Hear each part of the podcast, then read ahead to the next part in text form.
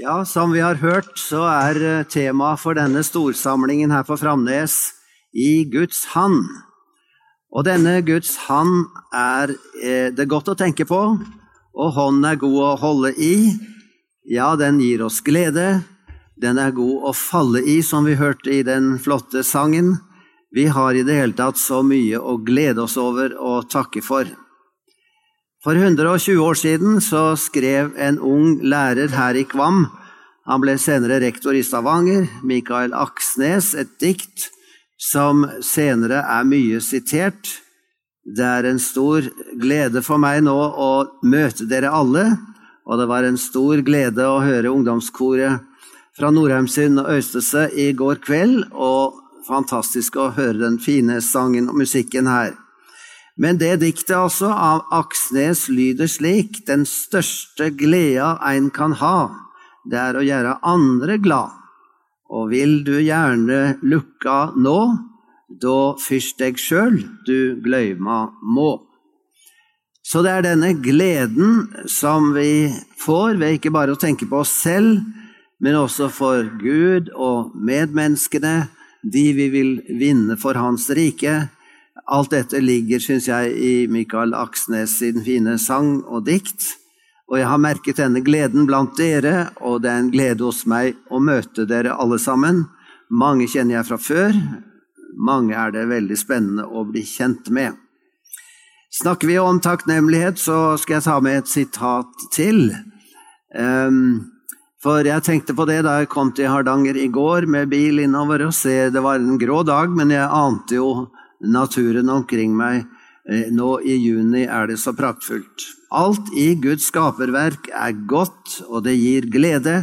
Og jeg merket meg et fint sitat altså av den russiske dikteren Dostojevskij, som skrev Elsk hele Guds skaperverk, hele verden, og hvert sandkorn på jorden, hvert lite blad, vær glad i hver lysstråle fra Gud. Elsk dyrene, elsk plantene, elsk hver ting. Elsker du alt, vil du også ane Guds hemmelighet i verden. Det er flott sagt, syns jeg, og det er en sånn glede vi er samlet i. Og Guds glede rekkes da til oss gjennom mange hender, mange opplevelser, og vi kan med glede ta imot og glede oss over alle gode gaver og ikke minst det gode evangeliet som vi er samlet om også her. Vi kan glede oss eh, ved å sitere mange kilder og oppleve mange ting, men nå skal vi samles om Bibelen og spesielt lese et avsnitt fra Den hellige skrift. Salmedikteren Asaf, som presenteres som en levit. han har i Salme 73 gitt oss et vakkert vitnesbyrd om Guds hånd i sitt eget liv. Og vi leser da eh, fra vers 23 i Salme 73. Men jeg blir alltid hos deg. Du har grepet min høyre hånd. Du leder meg ved ditt råd, og deretter tar du meg opp i herlighet. Hvem har jeg ellers i himmelen? Når jeg bare har deg, begjærer jeg ikke noe på jorden. Salme 73 er en skildring av en tro som er trygg og grunnfestet, i begynnelsen og på slutten spesielt. En tro som er grepet av Guds hånd. Men forfatteren er også villig til å ta opp de vanskelige spørsmålene han har kjempet med i løpet av sitt liv. Salmen begynner med å bære fram et godt, så å si, søndagsskolebudskap. Bare god er Gud. Det står det i vers 1. Ja, Gud er god, står det i en annen oversettelse. Men en forståelse av en god Gud som smiler uavbrutt til snille mennesker, det holder jo ikke i vanskelige dager. Og det er det han er opptatt av, denne Asaf. For vi har sett at gode mennesker blir ikke alltid opplevd, får ikke alltid oppleve medvind og solskinn. Salme 73 handler om en tro som havnet i en krise, og som kommer gjennom denne krisen. Vi lurer oss selv hvis vi tenker at troen er en slags automatisk beskyttelse mot åndelige kriser. Mennesker med dyp og ekte tro har ofte opplevd smertefulle perioder i livet. De fikk ikke den hjelpen de ønsket seg eller hadde bedt om, i hvert fall ikke så raskt som de ønsket. Tenk på en Stefanus som ble steinet.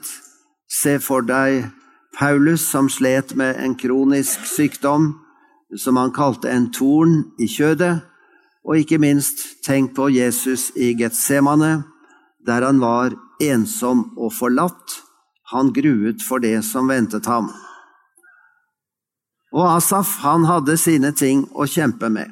Ja, hva var det som var problemet for denne levitten? Han var jo teolog, da, som skrev denne salmen. Jo, han regnet egentlig med, dypest sett, at siden han var så god og trofast, så ville han få en belønning i form av et behagelig liv. Men så ble det ikke slik. Han bygde sin tro på at gode mennesker og gode opplevelser ville komme til gode folk, og at onde ting ville ramme onde mennesker. Og slik tenker vi veldig fort. Så han hadde merket seg denne Asaf, at de likegyldige og kalde naboene hans, de var mette og tilfredse i sine liv. De hadde ingen smerter, de var sunne og vellykkede. De hadde på en måte alt det Asaf manglet, og det gjorde ham da usikker. Ja, rett og slett litt sint innimellom. Han rettet anklager mot Gud han hadde nesten snublet og falt, sier han. Han uttrykker det slik, billedlig. Det er ikke lett å leve i et hverdagsliv med sin tro hvis vi bare blir omgitt av honningsøte kristne som ikke snakker om de vanskelige tingene, og som stadig lever på fjelltoppene åndelig sett. De kan gi inntrykk av at de aldri opplever de mørke dalene, at de knapt noen gang har hatt nærkontakt med mørke skygger av tvil og frykt. Jeg snakker om honningsøte kristne. Nå vet jeg ikke hvor langvarige langvarig de er i den forestillingen, og hvor mye vi merker omkring oss av dem, men vi må snakke realistisk og tenke realistisk på våre egne liv. Forfatteren av Salme 73 han var slett ingen slik honningsøt kristen. Han kunne skildre vanskelige følelser. Han var rett og slett i åndelig mørke med sine anfektelser. Men så ble det en vending for ham. Asaf skriver, Dette og dette skjedde, og slik tenkte jeg, inntil jeg gikk inn i Guds helligdommer og ga akt på hvordan det går dem til slutt. Noe hendte altså for Asaf da han kom inn i Guds nærvær. Da ble det en forandring. Før hadde tankene hans kretset om seg og sitt, men så lærte han noe om Guds blikk, om et større tidsperspektiv og om Herrens langsiktige rettferdighet. Du har kanskje opplevd noe slikt når tankene raser av sted, og du diskuterer med deg selv. Du spør hvorfor saker og ting er blitt som det er i livet ditt. Du sammenligner deg kanskje med andre og kretser om dine egne erfaringer og oppfatninger. Du har lært lite av Mikael Aksnes sitt slagord «Da først deg sjøl du gløyma meg må». Det var det som hjalp Asaf til å glemme seg selv og sine spekulasjoner og løfte blikket til Gud, og som han kaller hans helligdommer. Han gjorde noe klokt. Han gikk inn i Guds helligdommer. Hva var nå det? Jo, i gammel tid var det naturligvis tempelet. Men vi i vår tid har ikke temp et tempel som en bygning, men vi har Bibelen, forkynnelsen, fellesskapet av Herrens venner. Det er vår helligdom. Og i Guds helligdommer skjedde noe for Asaf som gjorde en stor forskjell. Han opplevde en fornyelse i sinn og tanke som satte ham tilbake på sporet igjen, som en gudfryktig troende eh, som hadde bakkekontakt, og samtidig et sinn løftet mot Herren. Overfladisk sett er det kanskje ikke så mye spennende og fornyende å finne i Guds menighet, i forsamlingen som møtes på bedehuset, i prekener som vi føler vi har hørt mange av, eller i kristne sanger og ritualer som vi lager oss til, men det er faktisk noe spesielt likevel, og det har vel også du oppdaget, at det er stort å få komme inn i Guds lys fra ordet hans. Det skjer på høyst forskjellige måter og oppleves forskjellig for ulike mennesker. Men det er sant til alle tider og steder at underet skjer når Gud møter sitt folk i sine helligdommer. Snakker jeg nå om noe som oppleves fremmed for deg?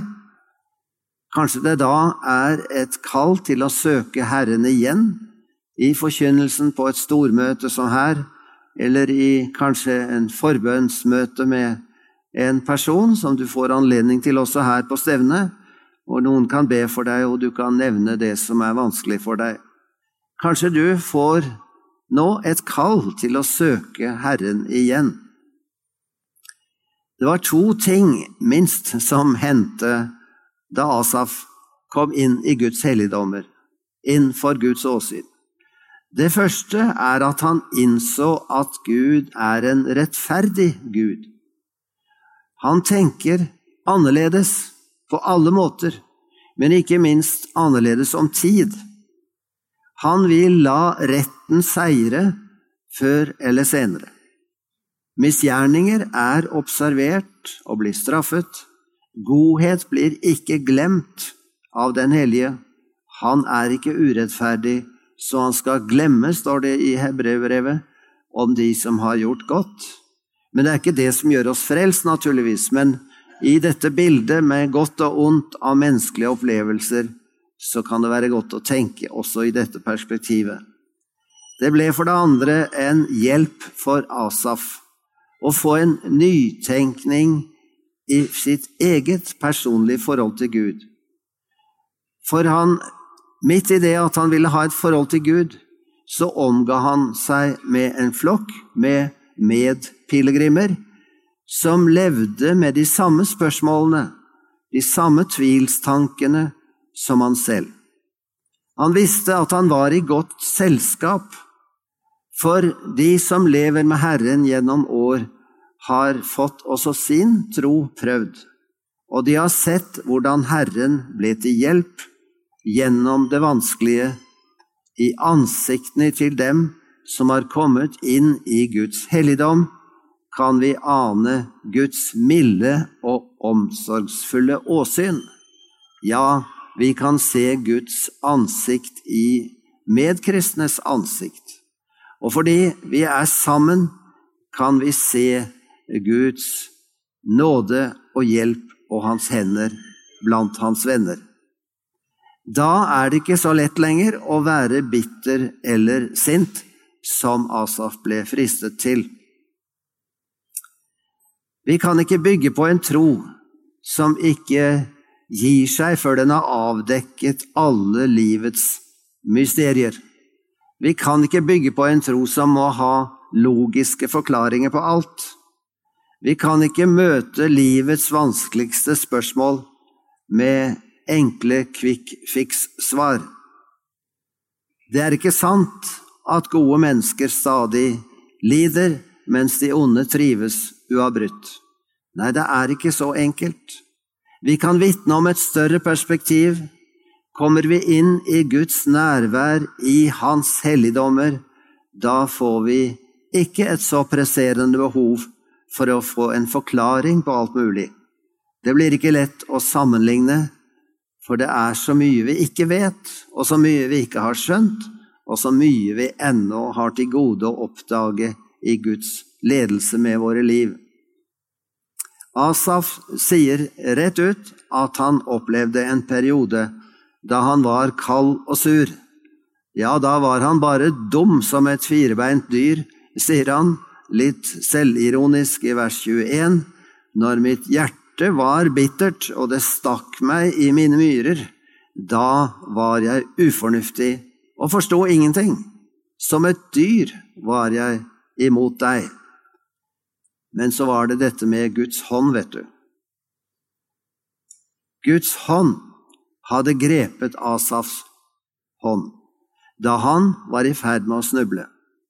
På livsvandringen videre var det viktig for Asaf å leve i et tett fellesskap med Herren. Som han sier det, men jeg blir alltid hos deg. Du har grepet min høyre hånd. Du leder meg ved ditt råd, og deretter tar du meg opp i herlighet. Hvem har jeg ellers i himmelen? Når jeg bare har deg, begjærer jeg ikke noe på jorden. For et vitnesbyrd, og for en livserfaring som skinner gjennom i disse ordene. Ja, han kunne si, sammen med mange andre, før ham og senere, jeg må si mange, mange andre, millioner, men for meg er det godt å holde meg nær til Gud. Jeg tar min tilflukt til Herren, Herren, for å fortelle alle dine gjerninger. Nå fikk han bli et vitne, en misjonær, i sitt nærmiljø, og det er jo dette Gud vil vi skal formes til, å bli vitner for ham, i indre og ytre misjon, i nabolag og nærmiljø. Mange, mange har opplevd Guds hånd på ulike måter. Jeg må ta en rask revy over det. Tenk på Moses, for eksempel, som fikk den harde og vanskelige oppgaven å lede folket ut av Egypt. Det ble åpenbart for han at kongen i Egypt, nemlig farao, ikke vil la dere få fare uten at han får kjenne en sterk hånd over seg. Det måtte være en sterk hånd som gjennomførte Herrens bevisste vilje. Og den sterke hånden ovenfra var Herrens hånd, og han sa, Derfor vil jeg rekke ut min hånd og slå Egypt med alle sine guder, som jeg vil gjøre iblant dem så skal han la dere fare. Og jeg får minne om Josva, hærføreren, som fortalte folket sitt om hva Herren hadde gjort til beste for dem. Han viste også til Herrens mektige hånd og sa det slik:" Dette gjorde Han, altså Herren, for at alle folk på jorden skal kjenne at Herrens hånd er sterk og for at dere alle dager skal frykte Herren deres Gud. I denne turbulente verden som vi lever i, så skal også vi tenke på Herrens hånd, som ikke bare er den milde og klappende og beskyttende, men som er mektig til å kjøre gjennom sin vilje og skape den ekte gudsfrykten som ikke vi kan skape, men som Gud kan skape ved sin ånd. Og Et nærmere bilde har vi i Noomi og Ruth, som det fortelles om i Ruths bok, Herrens oppdragende hånd. Den kunne lede inn i en hard motgang og en svart fortvilelse, og Noomi, som fortelles om i Ruths bok, hun ble en økonomisk flyktning til et annet land, og deretter enke. Hun mistet også to svigersønner, og så sa hun til svigerdøtrene Orpa og Ruth, det er mye bitrere for meg enn for dere, ettersom Herrens hånd har rammet meg så hardt. Det var en annen slags hånd, en hånd som rammet til oppdragelse og til foredling. Hun hadde opplevd Herrens hånd som svært krevende, men historien der ender jo med en overraskende vending. Naomi fikk et barnebarn, og det ble sagt at han skal bli din sjels trøster og din alderdoms forsørger. Og det er som et flott profeti om den Messias som skulle fødes inn i hennes slekt. For Naomi og Ruth kom inn i Davids slektslinje og ble en av formødrene til Jesus. Kong David lovpriste Guds sterke hånd da han innviet tempelet. Rikdom og ære kommer fra deg, du råder over alle ting, og i din hånd er styrke og makt. Og til å gi storhet og kraft til alle. Vi er begrenset når det gjelder kraft og makt. Det er bare Gud som er allmektig. Bare Gud har ubegrenset makt. Bare Gud kan gjøre alt han ønsker med sin sterke hånd. Alt er mulig for ham. Profeten Jeremia fikk en demonstrasjon, en eksempelfortelling, om Guds hånd under et besøk hos en pottemaker. Det gjorde inntrykk på Jeremia, det som han så og hørte, for Gud sa, Se, som leiren er i pottemakerens hånd, slik er dere i min hånd, Israels hus. Gud holder oss i sin varme og formende hånd.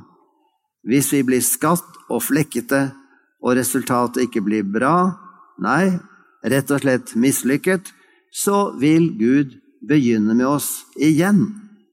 Han vil forme oss på nytt og bearbeide oss vi må ikke glemme at Gud er pottemakeren, og vi er leiren i hans hånd. Vi kan ikke protestere mot de hendene som former oss, som også Jesaja er opptatt av. Hva er du som protesterer mot pottemakeren? Ingen hender er sterkere enn Guds hender. Han har ubegrenset evne til å ta seg av oss, samme hva som skjer. Og det synes som om Gud bryr seg lite om hvilke midler han bruker for å sette sin vilje ut i praksis. Han griper fatt i alt som er for hånden for ham, og vi fatter det ikke. Han kan bruke en krybbe til å la Jesus bli født i, en storm på sjøen for å lære disiplene noe om tro, et sykehusopphold kan han bruke til å lære deg noe. Ja, han brukte en åndelig mørketid til å lære Asaf noe, og han brukte et kors på så ufattelig måte overfor sin egen sønn. Og så må vi ikke glemme den enkle, fine søndagsskolehistorien om Guds velsignende hånd i Jesus Kristus.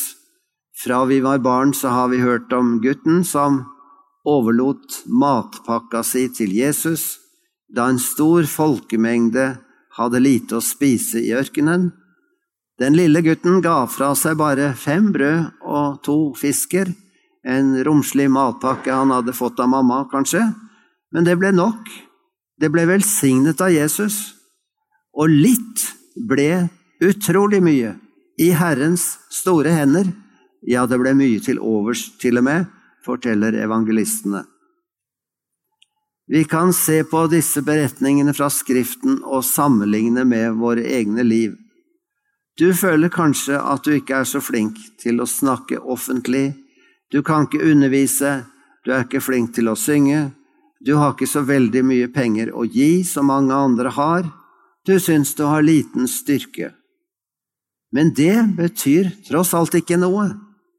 At du har begrensede ressurser for du kan legge det du har, i Guds hender. Og da kan de midlene og evnene og den tiden du disponerer, bli til seire for Guds rike og bety et nederlag for fienden. Av og til skjer katastrofer i menneskers liv. Vi føler at det er ikke noen fremtid for oss lenger. Noen kan komme til å si nå er livet over, hva har jeg nå å leve for? Da kan vi svare at livet ditt er i Guds hånd. Det er ikke slutt før Jesus drar båten i land.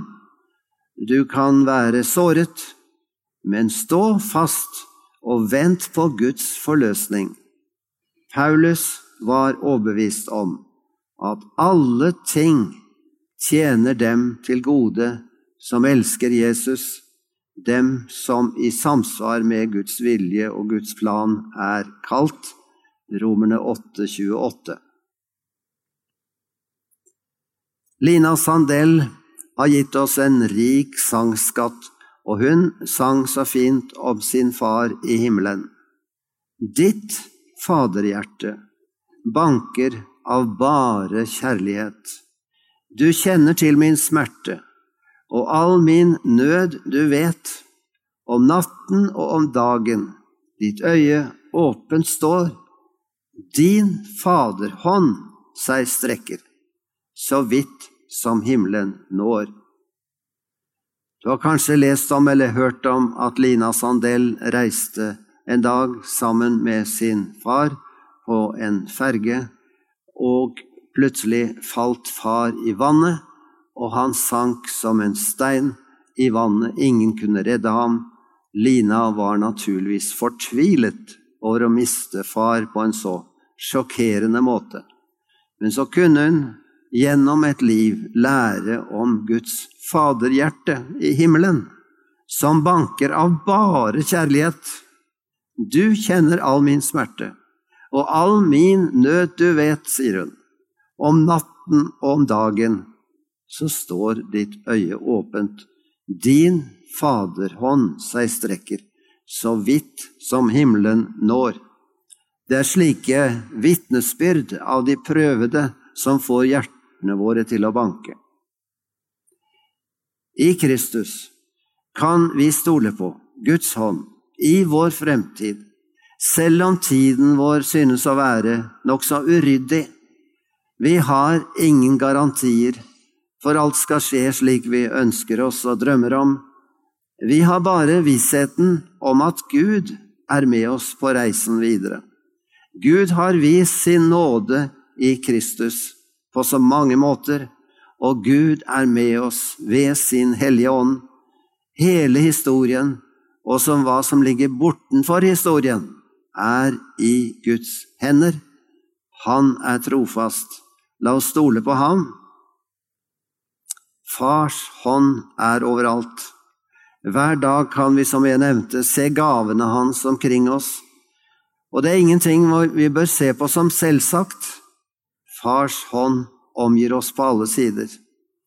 Men Guds store rikdom og mysterier er åpenbart på tusener av måter, men aller sterkest i Kristi mysterium. Jesu død og oppstandelse for vår skyld, som det er godt å minnes om og tenke på og synge om. Han døde for meg, han ble oppreist til et nytt liv for min skyld, og gjennom Jesus viser Gud sin gave av bare nåde, frelse, tilgivelse og det evige livet som vi får uten å ha fortjent det. Jeg er bundet fast til Jesus bundet fast med evig bånd. Intet makter nå å rive meg ut av min frelsers hånd, skrev Thorvald Løve. Ikke alt kommer fra Guds hånd, men alt kommer gjennom Guds hånd. Gud står ikke bak alt som hender, men han overvåker alt som skjer. Gud vil ikke, og han er ikke årsak til alt som hender i denne verden, vi lever i en fristilt, opprørsk og syndefull verden. Den onde har stor makt. Men djevelen er Guds lenkehund, som Luther sa. Denne hunden slipper ikke lenger enn Gud tillater. I livene til dem som elsker Gud, kan han ta seg av selv den store tragedien og bøye den i retning av et godt mål. Underveis kan vi be, Rekk meg, o Jesus, din hjelpende hånd, når jeg er trett på min vei. Styrk du min redde og tvilende ånd, slipp du meg ikke, å nei. Skal vi se og merke Guds hånd i himmelen? Vi vet ikke nøyaktig hvordan livet i den nye tilværelsen blir, men vi kan stole på den visjonen som Johannes fikk, den som han gjenga i åpenbaringsboken. Vi skal få oppleve et sant og ekte fellesskap, at Gud er til stede med sin glede, ja, med hele seg, og både kropp og sjel skal være helbredet og friske, at vi er forsonet med hele Guds skaperverk. Vi kan legge våre kjære i Guds hender og til trøst pakke oss inn i Johannes sine løfter. Nils Frykman lærte oss sangen Så har jeg fred i sinn og sjel, og synger glad Nå alt er vel.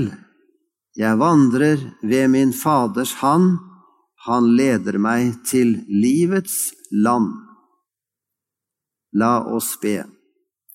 Jesus, styr du mine tankar. Jesus, lei meg ved di hand. Så kvar eg i verda vankar, eit Guds barn eg vera kan. Så kvar stund du meg vil gjeva, eg kan kvila i di favn. Lat meg Gud til ære leva, og så døy i Jesu navn. Takk, Jesus, for din seier og din nåde som du har gitt oss fra evighet av til evighet. Amen.